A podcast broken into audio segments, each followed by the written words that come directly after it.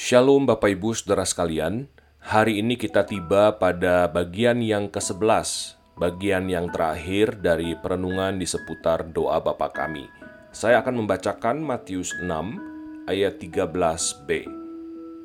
Dengarkanlah firman Tuhan. Karena engkaulah yang empunya kerajaan dan kuasa dan kemuliaan sampai selama-lamanya.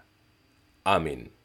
Berbahagialah setiap orang yang mendengarkan firman Allah dan yang memeliharanya. Haleluya. Jika saudara adalah seorang pembaca yang teliti, maka saudara akan memperhatikan Matius 6 ayat 13b ini dikurung oleh tanda kurung siku. Setiap kali saudara melihat ayat-ayat yang dikurung oleh tanda kurung siku di dalam Alkitab, itu artinya ada perbedaan di dalam naskah bagian itu di dalam bahasa aslinya. Sebagian naskah memuat bagian yang ada dalam tanda kurung siku tersebut, dan sebagian naskah lainnya tidak memuat bagian yang ada di dalam tanda kurung siku itu. Jadi untuk kasus Matius 6 ini, sebagian naskah Matius 6 itu mengandung bagian karena engkaulah yang punya kerajaan dan kuasa dan kemuliaan sampai selama-lamanya. Tapi sebagian naskah lain tidak mengandung bagian ini. Di dalam studi Alkitab ini disebut sebagai masalah tekstual. Naskah perjanjian baru yang paling penting yang kita punyai saat ini itu berasal dari abad keempat. Dan kedua naskah paling penting ini tidak mencakup bagian dua bapak kami tersebut.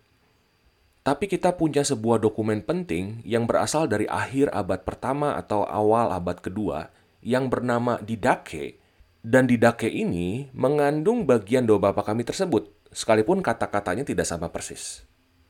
Sehingga kita punya dasar yang cukup baik untuk meyakini bahwa bagian yang di dalam tanda kurung siku tersebut itu memang ada di dalam naskah asli dari Matius 6 ini. Selain itu, apa yang tercantum di dalam ayat 13b ini, isinya selaras dengan keseluruhan doa Bapa kami dari awal, dan isinya itu menjadi klimaks dari keseluruhan doa Bapa kami. Kata karena itu penting sekali saudara-saudara. Jadi kita mengucapkan seluruh doa Bapa kami dari awal, Bapa kami yang ada di surga dan seterusnya. Kenapa kita mengucapkan itu semua? Karena engkaulah yang memiliki kerajaan dan kuasa dan kemuliaan. Ini adalah sebuah doksologi atau pujian kepada Allah. Pujian ini bersifat revolusioner. Ketika kita mengatakan kerajaan itu adalah milik Allah, itu artinya kita mengatakan bahwa kerajaan apa pun yang ada di bawah kolong langit ini berada di bawah teritori kerajaan Allah. Tidak sedikit orang yang ingin menjadi raja atas hidupnya. Jika kita ingin jadi raja atas hidup kita, maka kita tidak akan bisa mengucapkan doksologi ini. Negara apa yang paling powerful saat ini? Amerika Serikat? Amerika Serikat itu berada di bawah teritori kerajaan Allah. Mereka harus tunduk pada aturan kerajaan Allah. Allah juga yang empunya kuasa. Siapa yang paling berkuasa di dunia ini? Orang yang paling punya banyak uang? Orang yang jabatannya paling tinggi? Negara yang punya alat militer paling canggih, negara yang punya vaksin COVID paling mutakhir? No, bukan. Allah yang punya kuasa. Menjelang penyaliban Yesus, Pilatus pernah berkata kepada Yesus di Yohanes 19 ayat 10, Yesus, tidakkah engkau mau bicara dengan aku? Tidakkah engkau tahu bahwa aku ini berkuasa untuk membebaskan engkau dan berkuasa juga untuk menyalibkan engkau? Apa jawab Yesus? Yesus bilang, Pilatus, engkau tidak mempunyai kuasa apa pun terhadap aku, jikalau kuasa itu tidak diberikan kepadamu dari atas. Buat kita yang sedang berusaha menjadi orang yang paling berkuasa di mana pun itu, di lingkungan pertemanan, di gereja, di kantor, ingat, Tuhanlah yang empunya kuasa. Buat kita yang sedang dihantui oleh kuasa pihak atau orang lain, ingat semenakutkan apa pun kuasa yang sedang meneror kita saat ini, jauh lebih berkuasa kuasa Allah yang telah menjadi manusia, menderita sengsara dan mati disalibkan, lalu bangkit untuk kita semua. Dan karena itulah, segala kemuliaan hanya milik Tuhan. Segala sesuatu adalah dari Dia, oleh Dia, dan untuk Dia. Bagi Dialah kemuliaan sampai selama-lamanya.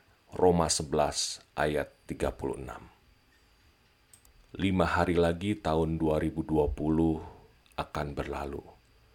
Begitu banyak hal yang sudah terjadi dalam kehidupan setiap kita.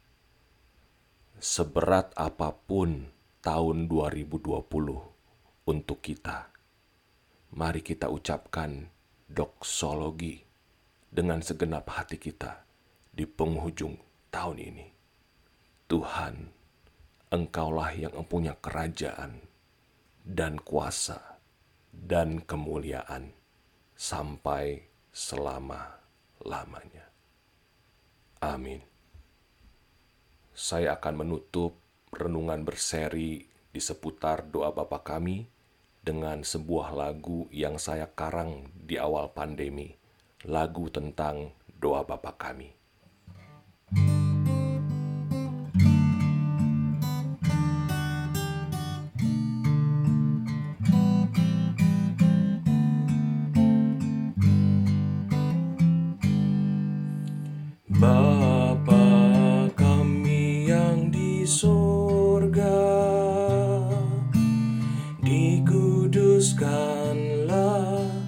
namamu Datanglah kerajaanmu Jadilah kehendakmu Di bumi seperti di surga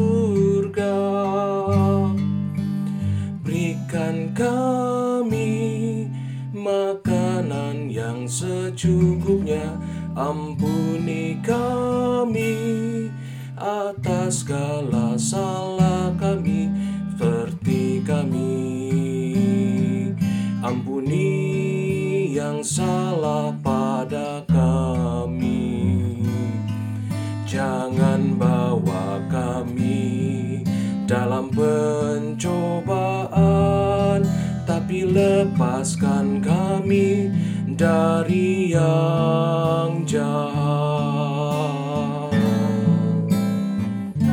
Sebab kaulah